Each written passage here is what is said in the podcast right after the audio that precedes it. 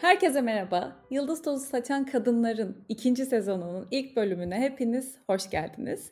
Ben Gizem ve bu bölüm karşımda gerçekten e, kilometrelerce ötede bir yerlerde bir konuğum var. Ceren bizimle. Ceren Yavuz soyadını söylemeyeceğim. Kusura bakmasın. Bo- boş ver Ceren Yavuz deyip geçiyoruz. Benim için Ceren Yavuz. okunuyor evet. Boş, boş ver. O kısmı boş ver. O benim zaten kocamın soyadı. Ceren Yavuz var. Kendisini bilenleriniz vardır. Belki bilmeyenleriniz için zaten şimdi bize birazcık kendini nasıl anlatmak istersen anlatır mısın Ceren? Tabii. Ee, ismim Ceren. Yarışmaya Londra'dan katılıyorum. Beslenme uzmanıyım. Ee, işte kaç? 6 seneye yakın süredir kendi işimi yapıyorum. Ee, işte sosyal medyada bir şeyler paylaşıyorum. Danışmanlık veriyorum kişilere, kurumlara vesaire. Eee, genel olarak beslenme çevresinde dönen bir kariyerim var. Öyle diyebilirim, öyle özetleyebilirim.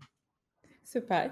Peki, eee, birazcık buraya nasıl geldiğinden, şimdi mesela şimdi neden Londra'dasın ve bundan önce nasıl beslenme uzmanı oldun? Buna çocukluğundan beri ilgin var mıydı? Nasıl karar verdin? Nerede okudun? Nasıl okudun? Anlatmak ister misin biraz? Tabii ki.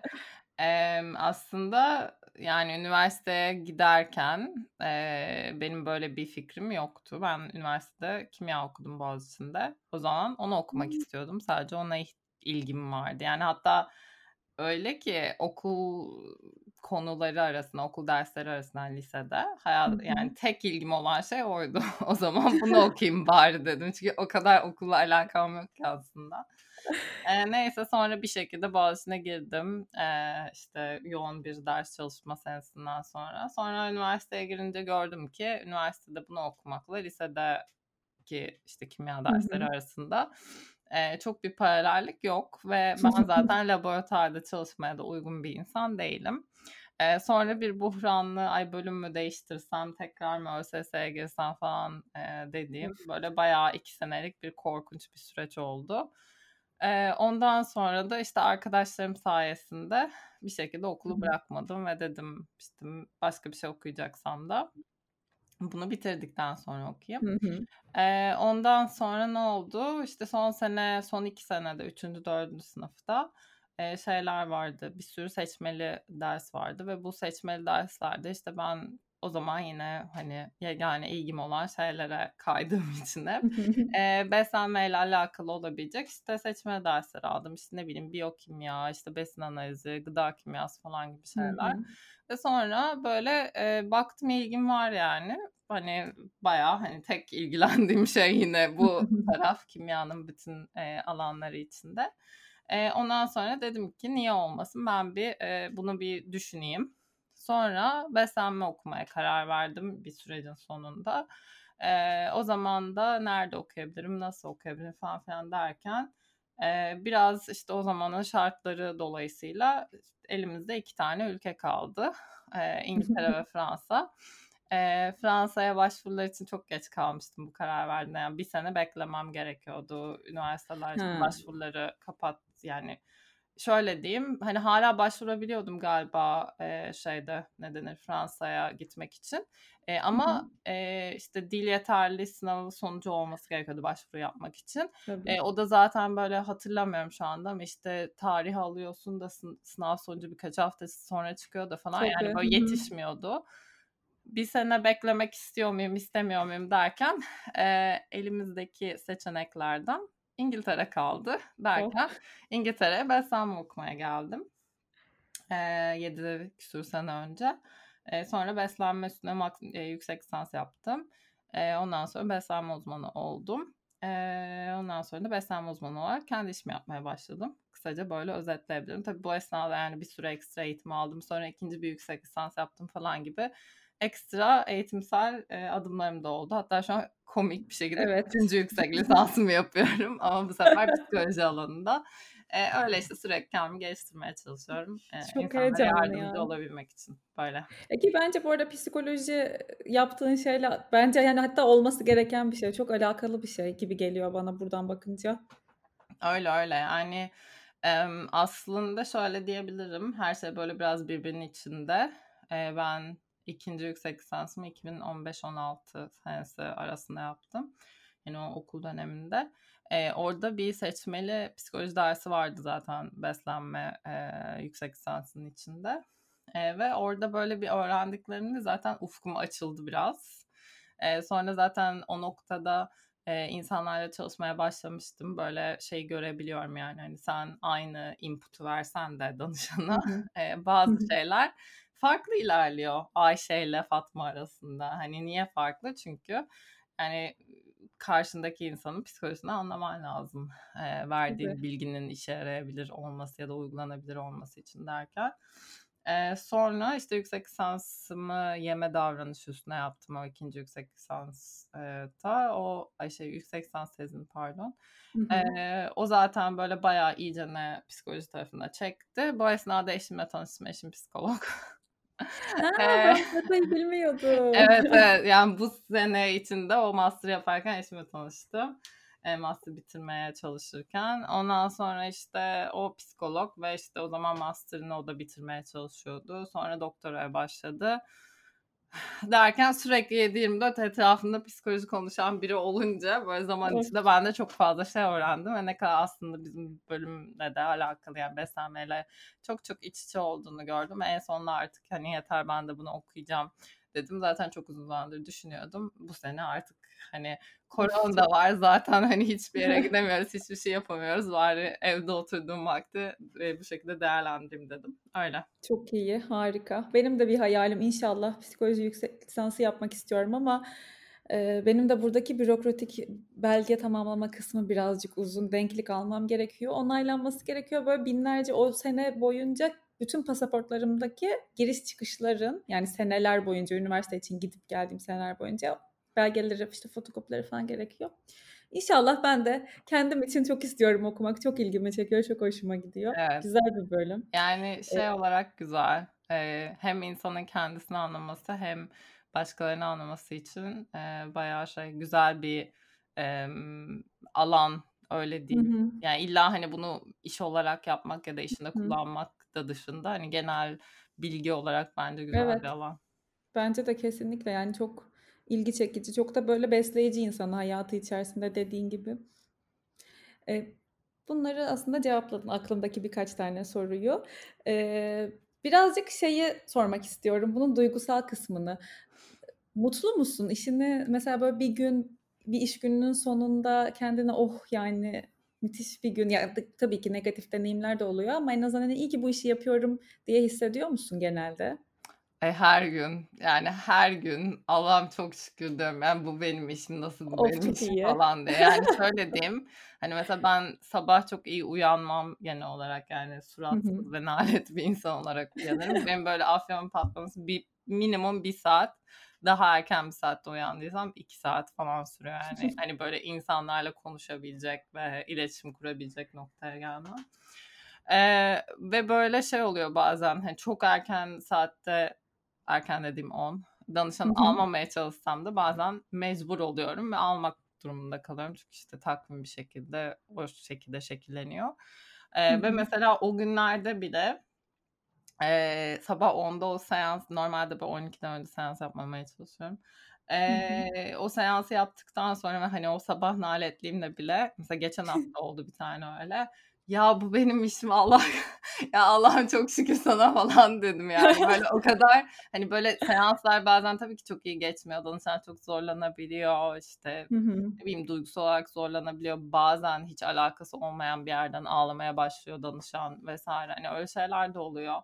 Hani böyle şey gibi düşünmesin sürekli seanslar güllük gülistanlık ha ha hi hi şeklinde geçmiyor. Ama evet. yine de bir insana yardımcı etmek çok e, tatmin edici bir şey. Yani bayağı baya, bayağı mutluyum o anlamda. Çok şükür. Ne kadar güzel. O zaman peki bunu genelde sonda soruyorum ama şimdi tam gelmişken sorayım. Eminim şu an özellikle çok vardır bu bölüme yani bu bölüme derken belki üniversitede direkt hani diyetisyenlik okumak ya da belki e, başka bir alanın üzerine yüksek yapmak, doktora yapmak bilemiyorum mümkün mü? E, onlara böyle tavsiye edeceğim bir şey var mı? Hani şimdiden iş, işlerine yarayabilecek? Yani şöyle bir şey söyleyeceğim. Hani yanlış anlaşılmasını istemiyorum. E, o yüzden tam olarak nasıl bu cümleyi kurmam gerektiğinden de emin değilim ama e, Türkiye'de bu alandaki eğitimde çok fazla dogma var. Bu böyledir, başka bir şekilde yapılmaz diye çok fazla aslında doğru olmayan şey öğretiliyor. Ee, ben bunu yani zaten zaman içinde bir sürü e, beslenme diyetistik öğrencisi insanla işte sosyal medya üstünden tanıştım, yardımcı olmaya çalıştım, insanlardan öğrendim. E, mentörlük veriyorum. İşte 6-7 ay oldu herhalde. E, onun dışında Türkiye'de okumuş, e, yüksek lisansını ve lisansını Türkiye'de beslenme diyetetik alanında yapmış bir insanı işe aldım bir sene önce.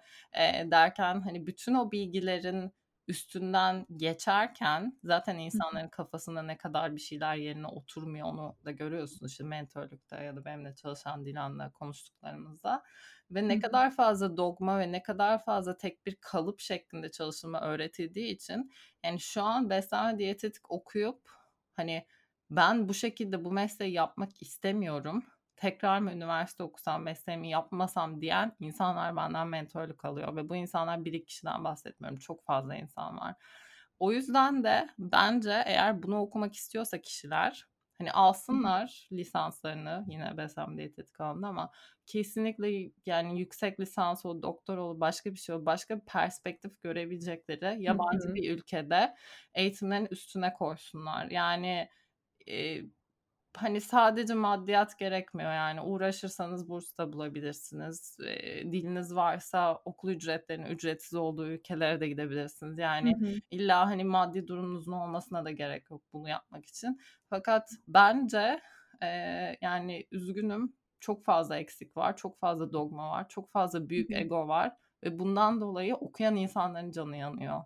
Yani ne kadar zarar verdiklerinin maalesef farkında bile değiller. Çünkü ben hani gerçekten böyle e, nervous breakdown geçiren yeni mezunlarla konuştuğum için sürekli e, çok yani o anlamda hani okumak isterseniz okuyun ama oradan aldığınıza kalmayın. Çünkü o bilgiler sizi mutlu etmeyecek büyük ihtimalle. Çünkü zaten çok fazla dogma olduğu için e, Sınırlı yani, bir bakış açısıyla zaten çıkıyorsun o zaman Evet tabii. yani şöyle, şöyle bir şey söyleyeceğim. Hani ne kadar işin vahim olduğunu sadece anlatabilmek için hani çok şey yapmak istemiyorum ama e, mesela Dilan'ı ilk işte işe aldığımda danışan görmeye başlamadan önce işte belli başlı teknikler, bazı şeyler konuştuk. İşte öğrenci şeylerin üstünden geçtik vesaire. Bu aylardan bahsediyorum yani bir günde falan olmadı bu. ee, ve bana şöyle bir şey söylemişti e, üniversitede sınavda işte o kadar fazla hani üniversitede zaten 6 ön yazmalısınız. Tabii ki 6 ön deniyor ki sınavda ben 4 ön yazdığımda bu niye şey değil 6 değil diye notum kırılmıştı dedi.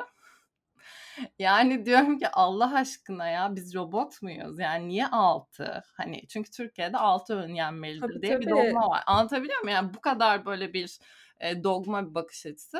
Daha komiğini söyleyeyim. Birkaç hafta önce mentorluk verdiğim bir insanla işte benzer bir konuşma. Hacettepe mezunu. Ee, hı hı. Ve işte benzer bir konuşma yapıyorduk. Ve bana şey dedi işte ben bu Dilan'ın söylediği şeyi örnek olarak verdim ona. O da bana dedi ki ya yine dedi Dilan düşünebilmiş dört ön yazmayı. Biz de dört ön yazmayı bile düşünemedik. Tabii ki alt ön yazacaksın dedi. yani hani o kadar böyle bir... işlemiş. Evet yani içlerine işlemiş ve o kadar insanlara hani hiçbir düşünme hiçbir şey yani robot muyuz biz ya? Yani bir insanın hafta içiyle hafta sonu bile beslenmesi aynı değil. Nasıl hani tek bir galıba sokmaya çalışıp altı ön yiyeceksin diyebilirsin ki.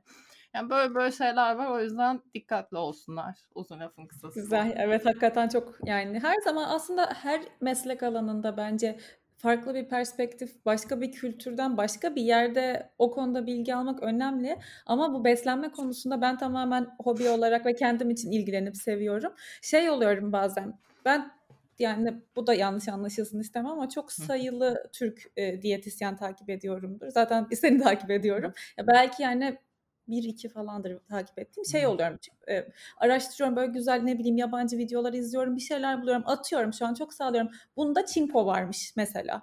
Çinko bana faydalı çünkü şu falan öğreniyorum. Ondan sonra gidiyorum mesela böyle bir diyet paylaşıyor insanlar. İçinde e, Çinko'nun vaat ettiği çok şey bir örnek oldu yüzeysel ama Çinko'nun vaat ettiği sağlığı vaat eden bir diyet listesi var ama şey oluyorum e, ama şuna zararlı diyorlardı. E bu da zararlı. Bu e peki bu falan derken çinkoyu bırakıyorum. Abi ben galiba yetersiz besleniyorum. İşte galiba ben tahıl yemediğim için beynim gelişmeyecek ya da çocuğumun beyni gelişmeyecek. İşte galiba ben meyveyi çok az yiyorum ya da çok fazla yiyorum. Bilmem ne böyle. Buradaki verilerle somut bir bilgiye ulaşmak mümkün değil. Gerçekten yani. Ve bu verileri diyetisyenler sunuyor. Ya şöyle bir bence sıkıntı var. Beslenme öyle bir şey ki genel prensip olarak çok az prensip var. Yani hani pre- prensipten kastım bu doğrudur e, tartışmaya açık değildir denen. Onun dışında her şey çok göreceli. Kim için, ne için, ne amaçlıyorsun? Bu insan hasta mı, sağlıklı mı, sporcu mu, emziriyor mu vesaire. Yani her şeye göre değişiyor.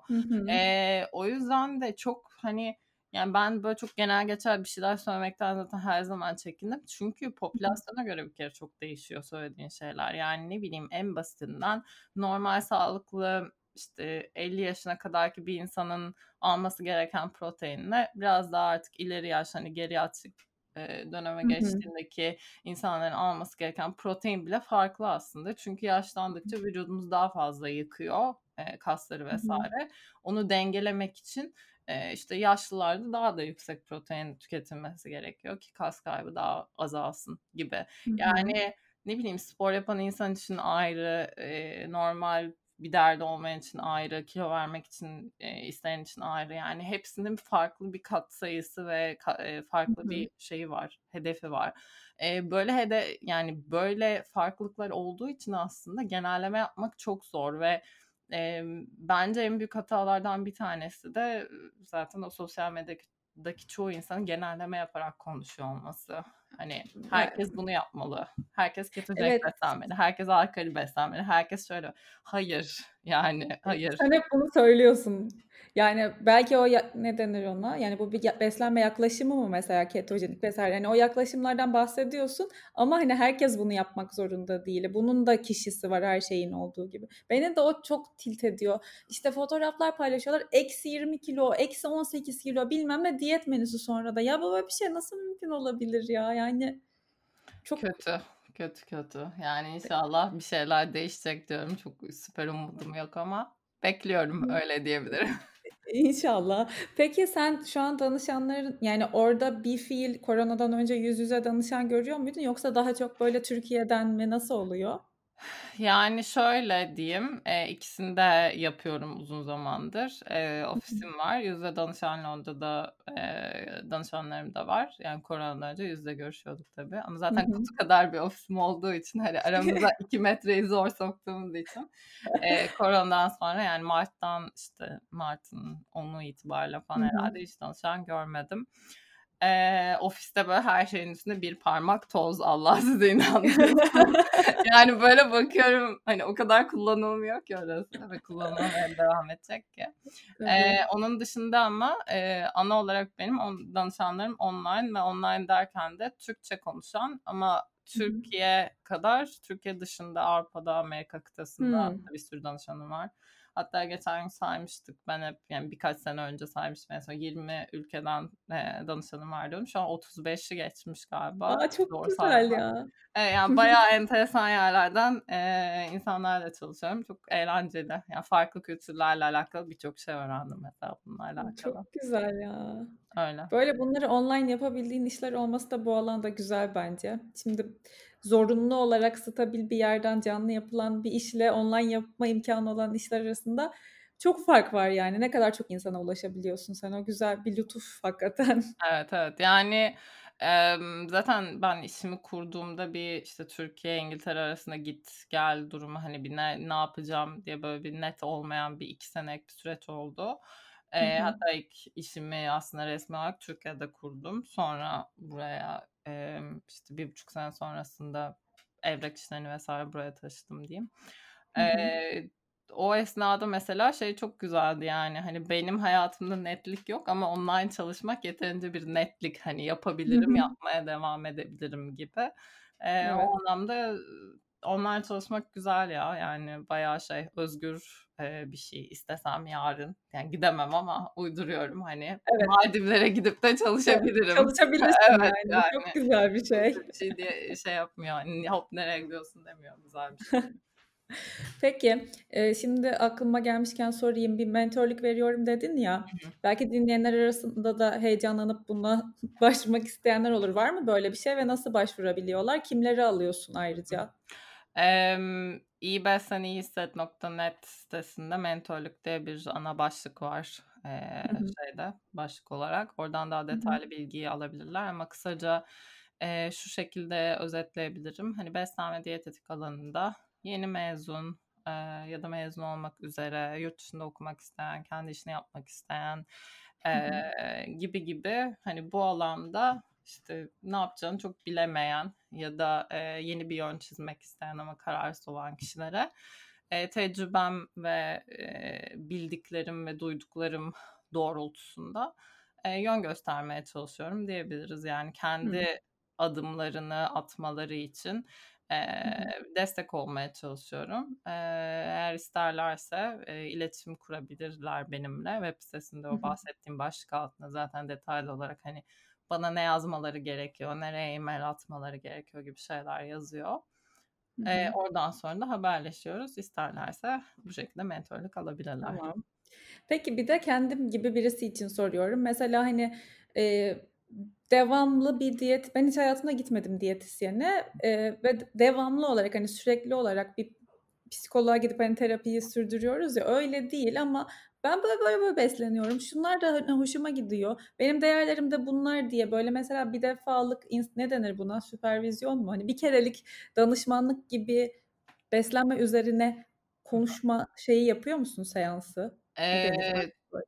anladım. One off seans. One off seans yapmıyoruz açıkçası. Eee, çünkü emm, yani Sonu mu gelmez onun o zaman? yani bu zamana kadarki tecrübem o one off seansların ya da böyle tek tek seans alıp ilerleme şeklindeki danışanların çok daha düşük verimli. Bir de online olunca Hımm. online'da biraz daha bağlanma olayı bir tık daha az oluyor Hımm. bence. Eee, Doğrudur. O yüzden hani eee, tekli seans şeklinde çalışmayı tercih etmiyorum açıkçası. Yani minimum 5 seanslık bir danışmanlık Hımm. paketiyle işte 2 aylık O şekilde ilerliyorsun. Hı şekilde ilerliyoruz. Çünkü biz birazcık daha hani şunu ye bunu yemeden ziyade davranış değişikliği modeliyle çalışıyoruz. Yani belli başlı davranışları insanların oturtması gerekiyor hayatlarına ki eee, ne amaçlıyor olurlarsa olsunlar hedefledikleri şeyi Hı. ulaş şeye ulaştıktan sonra bunu eee, sürdürebilsinler. Sürdüremedikten sonra yaptığınız hiçbir şeyin hiçbir anlamı yok. O yüzden de iki gün boyunca avokado yiyip üçüncü gün yemek istemiyorsanız uyduruyorum. Hani yemeyin daha iyi yani. Çünkü sa- sağlık ve beslenme öyle bir şey ki ne kadar devamlılık o kadar yarar. Devamlı olmayan bir şeyin pek bir yararı yok. Eee, bu anlamda da aslında davranış değişikliği gerekiyor. Yani uyduruyorum. Davranış değişikliği nedir diyecek Yeme olursak. davranışı mı yoksa genel davranış mı? Emm, sağlık davranışı diye hı özetleyebiliriz. hı. Yani sadece beslenme değil işte uykusunda, hareketini de, stres yönetiminde vs. konuşuyoruz. Çünkü emm, yani şöyle bir örnek verebilirim. Bir insana sen sebze yemelisin çünkü sebze sağlıklı derseniz bu insan sebze yemiyorsa, sevmiyorsa belki zorla birkaç gün yer, sonra bırakır. Ama bu insana bir şekilde sevdiği bir sebze buldurtabilir. Çok uğraşmadan bunu pişirttirecek bir yol bulabilir. Sürdürebileceği bir şekilde bunu dahil ettirebilirseniz hayatına bu devamlılığı gelebilecek bir şey. Tabii. Eee, bunu yapmaya çalışıyoruz biraz daha. Ya da mesela işte ne bileyim uyku sorunu vardır diyelim. Uyku sorunundan kastım işte 5 saat uyuyordur. internete bakmaktan uyuyamıyordur. İşte Hı hı. stresinden uyuyamıyordur vs. Emm, mesela uykunun insanın eee, işte hormonlarını etkilediği, gün içindeki enerji seviyesini etkilediği, ruh halini etkilediği vs. çok biliniyor. Yani Hı eğer bir insan sağlıklı beslen tırnak içinde sağlıklı beslenmeye çalışıyorsa ama uyuyamıyorsa, eee, doğru düzgün yeterli uykuyu alamıyorsa ve bundan dolayı sürekli iştahı açsa hani kaş yaparken göz çıkarmaya çalışıyorsun. Bu gibi belli başlı aslında temel noktaları hedefleyerek eee, bunları çözmeye çalışıyoruz genel olarak danışmanlıkta. O yüzden de aslında bir kerede çok o dediğin sonucu alamıyorsun Evet, tabii aynen. ki. Aynen, aynen. Anladım. O yüzden Öyle. Birkaç sorum var ama şimdi bunları keşke sorma yani daha doğrusu keşke sormasaydın der misin diye düşünüyorum. Eğer hani bu böyle cevaplanamayacak ya da hani şu an kısa bir cevaplanamayacak şeylerse e, pas de olur mu? Olur tamam. Bu beslenme tiplerinden bahsettik ya. Onlarla ilgili ne düşündüğünden minik minik hani şu an özellikle popüler olan birkaç tane beslenmeden sorayım mı? Ne düşünüyorsun diye. Mesela işte aralıklı oruç. ben söyleyeyim yani topluca cevaplayayım. Tamam. Şimdi. Mesela aralıklı oruç, hı hı. E, ketojenik beslenme. Aslında ilk bu ikisi geldi aklıma ama belki bir de alkali beslenme de olabilir. O da hala trend çünkü. Okay. Yani şöyle bir şey var. E, genel aslında daha felsefik bir noktadan bakmak gerekiyor olaya. E, dedim yani beslenmede belli başlı prensipler var ve çok fazla Hı-hı. prensip yok diye. Ama o prensiplere uyan birçok farklı Hı-hı. metot var. E, prensiplerden bir tanesi kim ne derse desin kalori dengesi. Giren kalori çıkan kalori arasındaki denge ya da dengesizlik kilo almanızı vermenizi ya da korumanızı etkiliyor. Kilo vermek çoğu sağlık sıkıntısına iyi gelen bir şey. Bu biliniyor yani. Hani non-negotiable öyle diyebilirim tartışmaya açık değil. Ve eğer siz sağlık sıkıntısı olan, işte şekeri olan, kolesterolü olan, her, ne bileyim uyku apnesi olan, herhangi bir sıkıntısı olan bir insana bir şekilde kilo verdiyseniz büyük ihtimalle iyi bir şey yapmış oluyorsunuz. Hı hı. Ee, ve kilo vermek için bu kalori dengesi ya da işte enerji dengesi dediğimiz prensibe uyan farklı metotlar var. Metotlarsa bu ismi geçen diyetler. Diyet e, dediğimiz şey ya da işte intermittent fasting de yine onlardan bir tanesi. Bunlardan bir tanesini yaparak kalori Hı-hı. açığı yaratabilir, kilo verebilir Hı-hı. ve sağlığınızda ciddi e, iyileşmeler görebilirsiniz. Ama bu Hı-hı. aslında bu diyetlerin e, mucizesi ya da diyetlerin hani kendine özgü kabiliyeti değil bu ana temel prensibe uyan bir şey yaptığınız için yani ana temel prensibe uymanıza yardımcı olan bir metot seçtiğiniz için olur. E, metotlar gelip geçer. Yani ben size desem ki bugün hiçbir şey yemiyorsunuz. Bu da kilo verdir. Bu da sağlığınızı iyileştirir. Ne bileyim e, beşten sonra bir şey yemeyin. Bu da aynı şekilde büyük ihtimalle birçok şeye iyi gelir. Ama e, bu bir doğru değil. Doğru dediğim şey aslında prensip prensibe uyan her metot aslında hizmet sadece, ediyor. Yani evet prensibi yapmanıza hizmet ediyor. Ee, hmm. Hani A noktasından B noktasına gitmek amacınızsa burayı bu yolu kat etmeniz için belki 150 tane farklı yol var. Hangi yolu tercih ettiğinizin önemi yok. Önemli olan şey o A noktasından B noktasına gitmek ya da gitmemek. Biraz böyle düşünmeye çalışmakta yarar var bireysel olarak hani tek tek e, bireysel ya ne, ne denir tekil olarak e, spesifik. evet, spesifik olarak e, bahsettiğin diyetlere e, bakacak olursak da yani intermittent fasting'in saat kısıtlamasından dolayı insanları zaten doğal olarak biraz daha az yedirdiği biliniyor. Çünkü belli bir saat kısıtlamanız varsa en azından bir ara ön yapmıyorsunuz. Belki bir ana ön yapmıyorsunuz gibi. E, Bu dolayısıyla kalori açığı yaratmaya yardımcı oluyor ve dolayısıyla kilo vermeye yardımcı oluyor. Ama bunun dışında e, intermittent fasting yapmanın insanlar üstünde altını çiziyorum. İnsanlar üstünde iddia edildiği kadar sağlık yararı olduğunu gösteren herhangi bir bulgumuz yok e, otofaji vesaire anlamında da yok. E, Yıkılıyorum. evet. Bu tarafa bu tarafa yıkıldım gerçekten. Yani yok hani eğer yani dediğim gibi e, bu metot ve prensip hatta ben bunu post yazayım. Hep aklıma geliyor bu konu sonra diyorum. Of, evet evet. Yani metotlar ve prensipler arasındaki farkı bilmemiz lazım. Keza aynı şekilde ketojenik diyet içinde. Evet ketojenik diyet terapötik yani terapi amacıyla kullanılan bir diyet. Epilepsi gibi nörolojik hastalıklarda kullanılıyor. Ama bu demek değildir ki herkes için iyi, herkes için kullanılmalı. Ketojenik diyet evet bir besin grubunu e, ciddi şekilde karbonhidratları kısıtladığı için kalori alımını zaten doğal olarak bayağı bir azaltmaya dediğin gibi. Oluyor. Ama yine aynı şekilde aynı noktaya gidiyor. Ee, ya da alkali diyet yine besin grubu olarak hani çok sebze meyve ağırlıklı ve diğer çoğu şeyi çok azalttığı için Hı-hı. yine aynı tarafa gidiyor. Ee, yani bu prensipler ve metotlar arasındaki farkı bence herkesin öğrenmesi gerekiyor. Öğrensek zaten belki de bu kafa karışıklığı biraz daha azalacak. Doğru. Evet. Şimdi aydın birazcık aydınlandım yıkılarak da olsa. Peki o zaman bir şey daha soracağım. Şimdi çünkü bu da aşırı gündemde. Eee, süt grubu ürün yani süt ürünleri, bu dairy ürünleri. Senin bu konuda bir, bir yazdığın bir şey var mıydı bilmiyorum. Bilmeden soruyorum. Hani bir şey söylediysen de tekrarlatmış olacağım ama e, nedir buna senin bakış açın bir uzman olarak? Yani Emm, bayağı önce yazdım ya. 4 sene falan olmuş olabilir. Çok trend olan şeyleri yazmamaya çalışıyorum özellikle. Trend olmadan önce yazmıştım bu konuda öyle diyebilirim. Eee, belki 5 sene bile olmuştur. Şimdi şöyle, eee, süt ürünleri zararlıdır diyen bir güruh var. Hı son birkaç senedir işte ortaya çıkan özellikle. Emm, burada yine bence genellemelerin, eee, hat yani genellemelerden dolayı hataya düştüğümüzü düşünüyorum. Ne demek istiyorum diyecek olursak, eee, belli bir yiyecek, belli bir besin, belli bir gruba zararlı olabilir ama bu herkes için zararlı olduğu anlamına Hı hı. Süt ürünlerinde de yine aynı, eee, yanılgıya düşüyoruz. Çünkü insanoğlunun tarihine baktığınızda yani işte 10 bin 11 bin sene önce e, yerleşik hayata geçilmesi sonrasında hayvancılığın başlaması derken aşağı yukarı hani 11 bin senedir diyelim süt ürünlerinin insan beslenmesinde e, yer aldı kabul ediliyor. E, yerleşik hayat hayvancılık nerede başladı diyecek olursak Mezopotamya'da. Ee, Mezopotamya neresi diye bakacak olursak zaten hani günümüz ülkemizin e, de içinde bulunduğu bölgeden bahsediyoruz. E, bu ne demek diyecek olursak özellikle Mezopotamya'daki insanların yani oralarda yaşayan insanların yaklaşık bin sene içinde süt ürünlerinin içindeki süt şekeri olan laktozu sindirme e, kabiliyeti geliştirdikleri kabul ediliyor.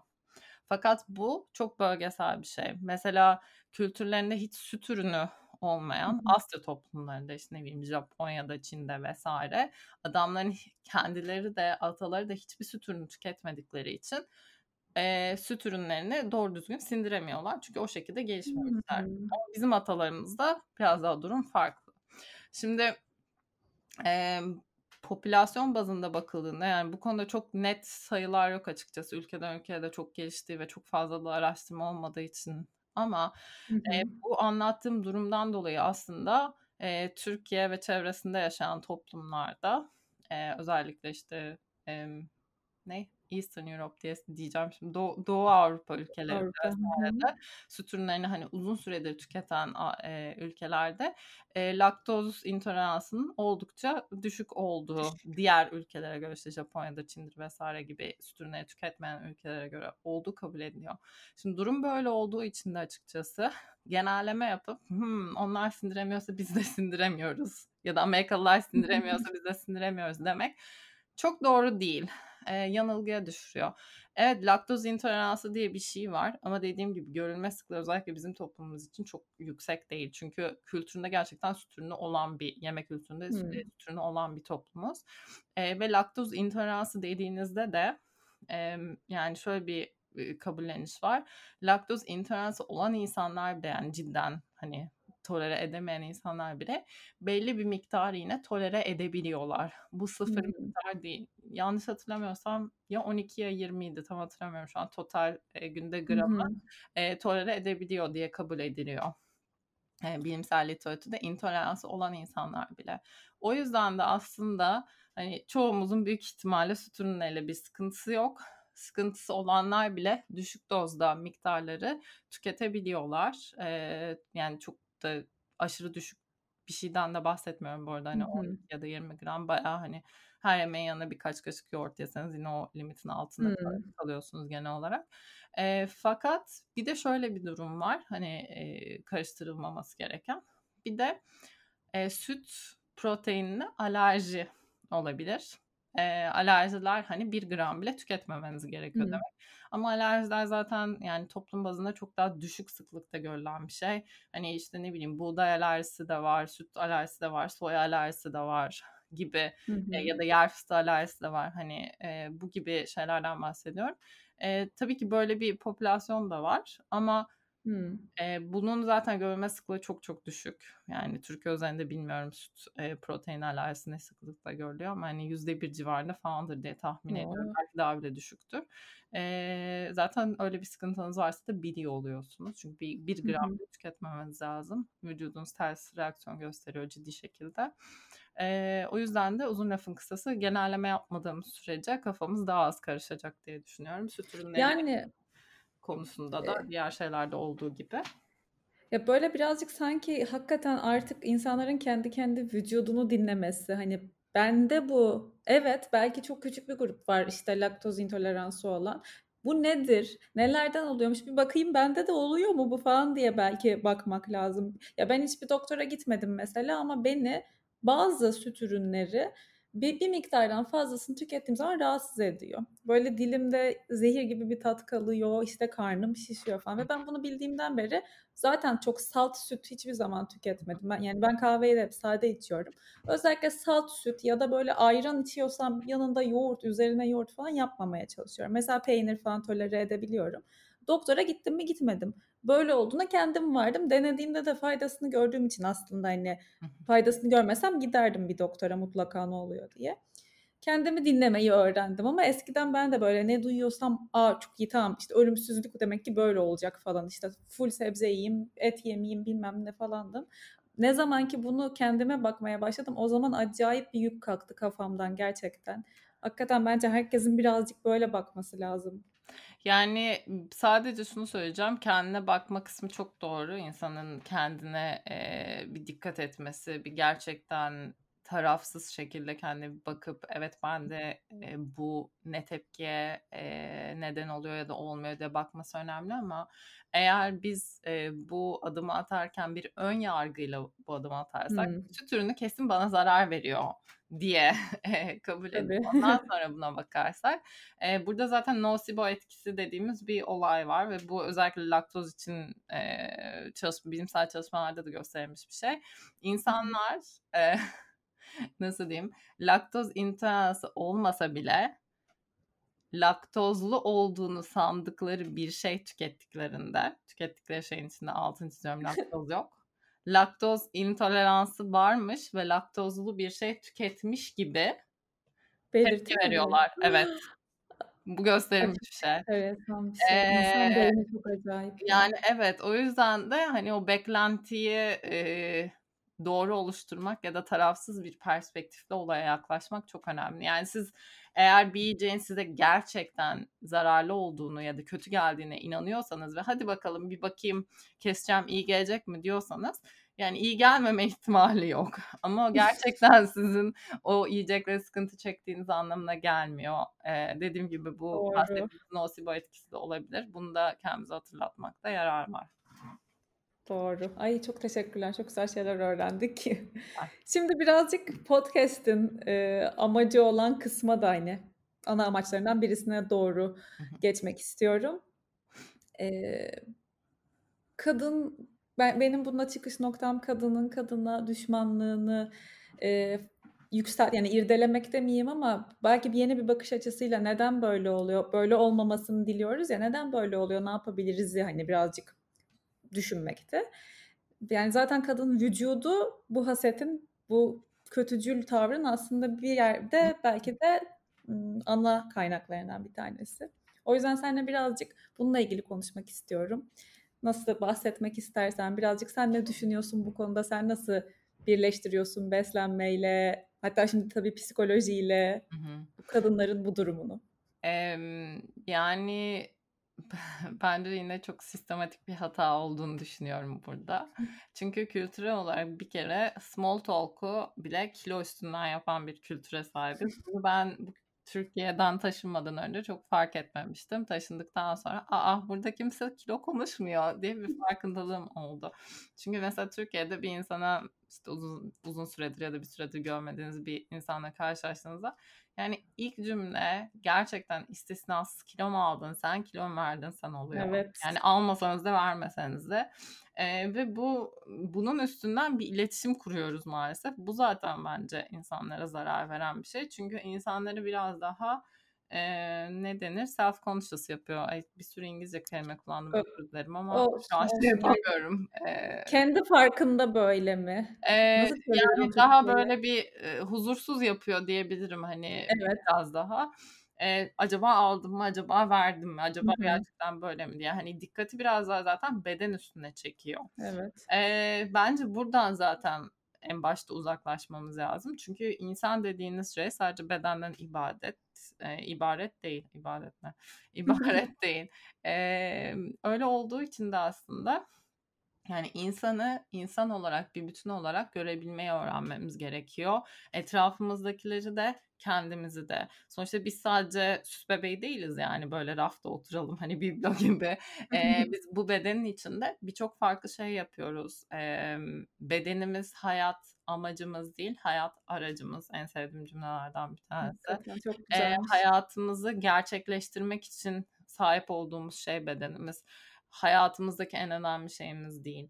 Eee, biraz bu perspektiften aslında hem kendimizi hem başkalarını görmeyi aslında öğrenebilsek, içselleştirebilsek, eee, zaten daha huzurlu olacağımızı düşünüyorum ya. Ama eğer beden böyle bir başarı objesine dönüşürse, hani nasıl işte kapitalist dünyada ne kadar, eee, pahalı bir araban olsa o kadar başarılısın, ne hı. kadar pahalı bir evin olsa o kadar başarılısın şeklinde bir algı var ya, beden de aslında onun bir şeyi, bir, eee, iz düşümü gibi. Hani Hı hı. ideal bir beden, ideal işte dönemsel olarak değişen bir tabir.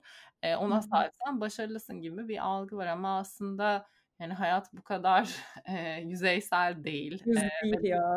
evet, eee, biz sadece bir bedenden ibaret değiliz. Ama tabii önce bence, eee, şunu da kendimize hatırlatmaya çalışmakta yarar var. Biz başkalarını farklı bir perspektiften görebilmek için önce kendimizi farklı bir perspektiften görebilmeyi öğrenmemiz lazım. Yani, emm, biz sadece bedenimizden, kaşımızdan, gözümüzden, dış görüntümüzden ibadet ibaret ah Var Ya bir bir şey çağrı yok. Evet. Ya bu arada çok komik bir şey söyleyeceğim. %100 şey değil ama, eee, ufak bir disleksi testi aldım gibi bir durum var. 2 hafta sonra genel olarak daha detaylı bir test yapılacak. Eee, yani şu an artık bu kelime sürçmelerini falan da daha anlamlandırabilip ken kendimi bir tık daha kabul edebildim. Ben de böyleyim. Benim beynim de böyle işliyor. Ne yapayım? Neyse. Emm, yani uzun lafın kısası aslında kendimizi bir bütün olarak görebilmeyi, eee, bedenimiz dışındaki güzel özelliklerimizi, bedenimizle birlikte yapabildiğimiz şeyleri, yani dışarı çıkıp bir hava alıp yürüyebilmek bile bedenimiz sayesinde yapabildiğimiz bir şey. Hı. bunların biraz daha farkına varsak belki zaten bedenimizi daha kolay kabul edeceğiz ve sonrasında belki, emm, karşımızdakilerin bedenlerini de daha kolay kabul edeceğiz. İlla ideal bir, eee, beden algısına uymaları Hı gerektiğini, eee, düşünmeden kabul edeceğiz. Ama kilo almışsın sen, kilo vermişsin sen yorumları nereden geliyor aslında? Kadın dediğin işte belli bir beden olur. Evet. belli bir beden güzeldir. Ona uydun mu, uyamadın mı'nın aslında bir yorumu. Biraz belki hani bunların üstünde düşünmekte yarar var. Yani, eee, onun dışında da şunu söyleyebilirim, eee, sadece. Yani, bu yorumlar kimseye iyi gelmiyor. Ben iyi geleni duymadım daha. Kilo vermişsin dediğinizde de aslında yine kilo üstünden bir başarı, eee, tanımlamış oluyorsunuz. Çünkü kilo vermek başarılı bir şey. Çünkü işte o Evet. ideale daha yaklaştınız gibi.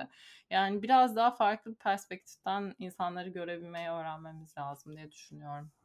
Senin aslında demin söylediğin gibi danışmanlık verdiğinde hani davranışlar üzerine de konuşuyoruz dedin ya belki bu da aslında bambaşka bir alan yani hani ha, ne hangi patern içerisinde dönüp duruyorsun bu hem kendi beden algında hem de başkasına bakış açında. Mesela sen de bunu yapıyor musun? Sen birini gördüğünde söylemesen bile ne kadar kilo vermiş ya da ne kadar kilo almış diye düşünüyor musun? Hani beynin acaba buna mı alışık?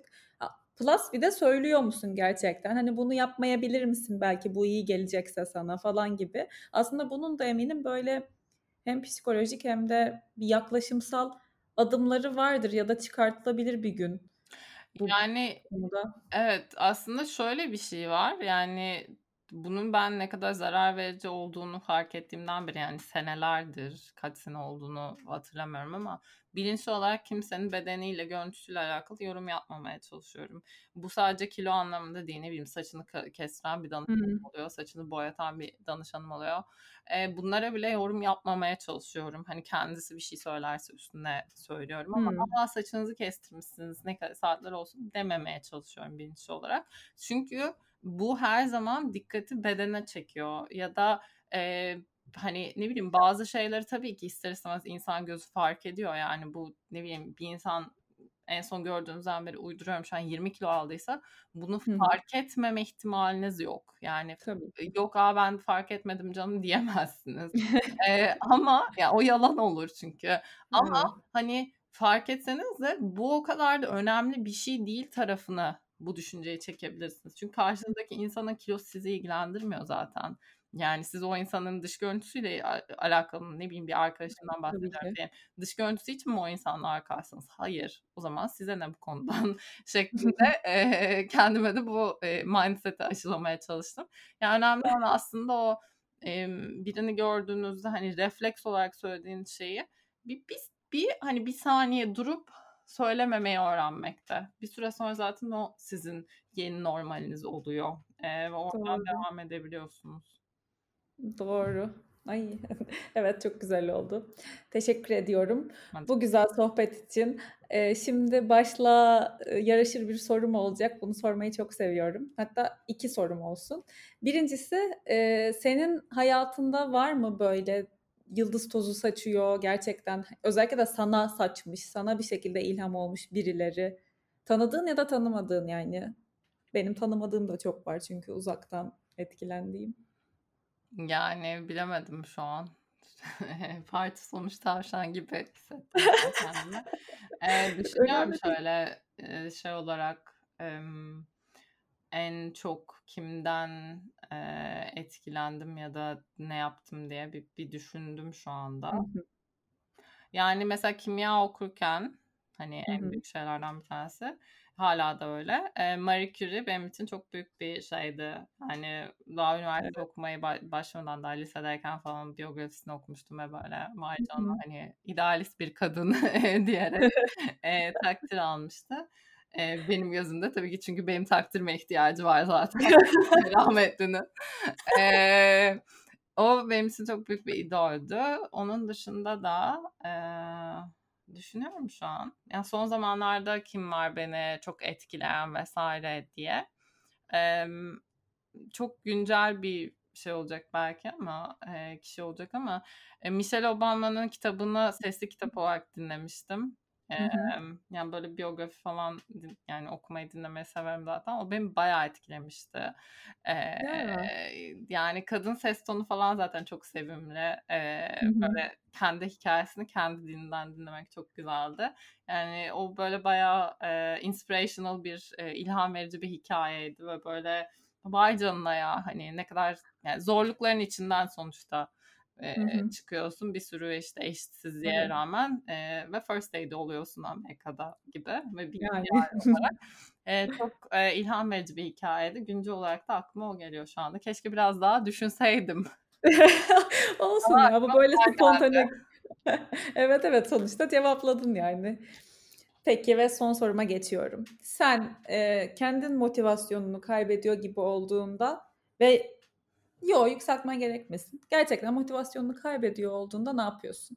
Ay bırakıyorum işle alakalı bir şey yapmayı. Yani e, çok kendimi zorlayabilen bir insan değilim böyle. Hani işte şunları yapacağım bu hedefleri tutturacağım falan. Yani neyse hani yapılması gereken bir to do listim var. E, yani danışmanlık dışında işte ne bileyim e-maildir admindir bir sürü yapmam gereken şey başka şeyler oluyor arkada e, öyle hani benim kontrolümde olan şeyleri yapmam gerekiyorsa ama yapacak motivasyonum yoksa motivasyon gelene kadar biraz bekliyorum açıkçası. Çünkü yani şeyi biliyorum zorlasam zorlarım. Hani zorlayabilirim. Bu kapasitem var. Ee, ve işte okul hayatımda da bir şekilde e, bunu kullanmam gerekti. Ama sonrasında ben olaydan soğuyorum. Yani daha da soğuyorum. Hmm. O yüzden hani kendimi o genel olarak işle alakalı şeylerden soğutmamaya özen gösterdiğim için böyle sıkılıyormuş gibi olduğumda bir süre işle alakalı bir şey yapmamaya çalışıyorum. Ne bileyim hani işte korona öncesi tatil birkaç ayda bir en azından bir hafta bir tatil yapmaya çalışıyordum. O bana çok iyi geliyordu. E, şimdi de ev tatili modası şeklinde e, bir trendi e, tutturmaya, oturtmaya çalışıyorum bu sene için. Yani işte çalışmadığım bir, bir hafta gibi arada birkaç ayda hmm. bir.